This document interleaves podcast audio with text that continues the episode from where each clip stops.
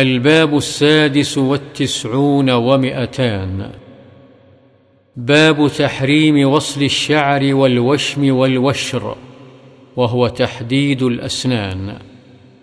وعن أسماء رضي الله عنها أن امرأة سألت النبي صلى الله عليه وسلم فقالت يا رسول الله إن ابنتي أصابتها الحصبة فتمرق شعرها وإني زوجتها أفأصل فيه فقال لعن الله الواصلة والموصولة متفق عليه.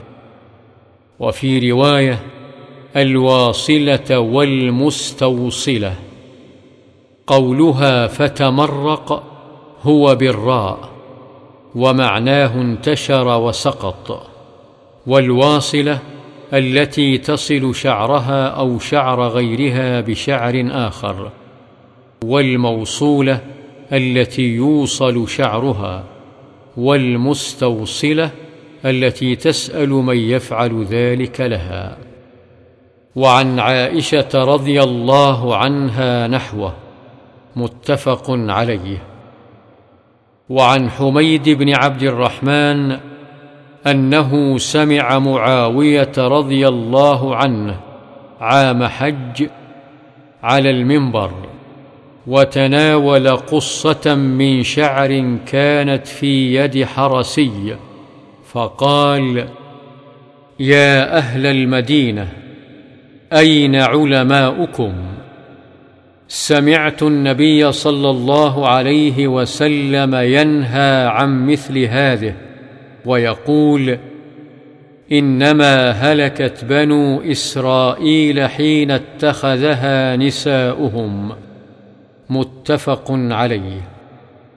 وعن ابن عمر رضي الله عنهما أن رسول الله صلى الله عليه وسلم لعن الواصلة والمستوصلة والواشمة والمستوشمة متفق عليه.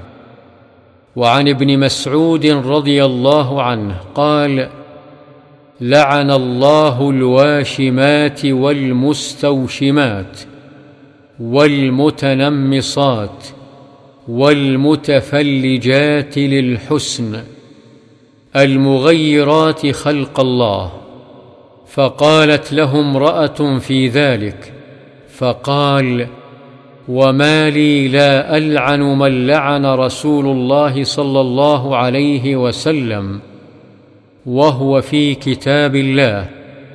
قال الله تعالى وما آتاكم الرسول فخذوه وما نهاكم عنه فانتهوا متفق عليه المتفلجه هي التي تبرد من اسنانها ليتباعد بعضها من بعض قليلا وتحسنها وهو الوشر والنامصه هي التي تاخذ من شعر حاجب غيرها وترققه ليصير حسنا والمتنمصة التي تأمر من يفعل بها ذلك.